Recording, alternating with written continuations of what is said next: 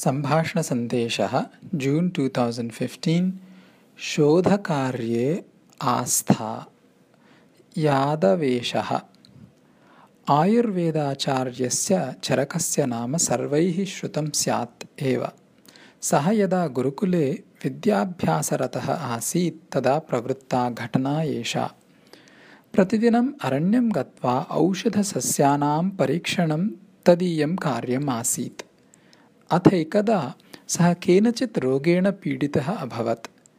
गुरुः तं परीक्ष्य अवदत् एषः विलक्षणः रोगः एतस्य चिकित्सार्थम् औषधं निर्मातुं विशिष्टं सस्यम् अपेक्षितम् इति। तस्य सस्यस्य गुणलक्षणादिकं तेन विवृतम्। यदि तत् सस्यं न प्राप्येत तर्हि अयं रोगः प्रवर्धेत इत्यपि उक्तं तेन चरकः तस्य सस्यस्य अन्वेषणाय आश्रमात् निर्गतः। बहुत्र अटित्वा सः अनेकविधानां सस्यानां गुणधर्मादिकं परिशीलितवान्। किन्तु क्वापि तादृशं सस्यं तेन न लब्धम्। यादृशगुणधर्मोपेतं गुरुः सूचितवान् आसीत्। अतः सः अन्वेषणम् अनुवर्तितवान्। सहस्रशः सस्यानि तेन परीक्षितानि महान् समयः एतदर्थं व्ययितः।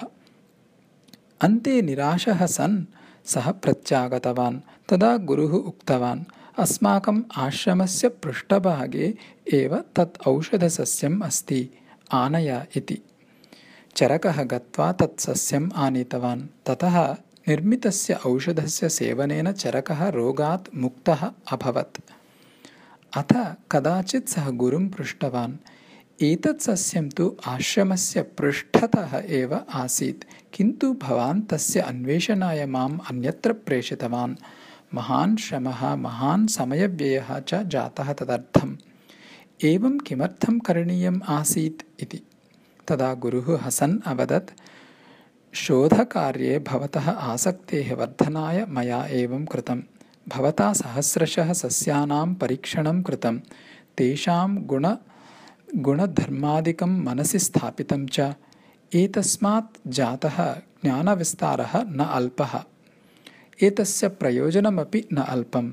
यद्यपि महान्तं श्रमम् अन्वेषणं च कृत्वा अपि भवता तत् सस्यं तु न प्राप्तं किन्तु तद्व्याजेन भवता सहस्रशः सस्यानि परीक्षितानि तेषां गुणधर्मादिकं ज्ञातं च एतत् ज्ञानं न सामान्यम्। अस्य उपयोगेन भवान् बहूनां रोगाणां चिकित्सार्थं मार्गं ज्ञातवान् अस्ति।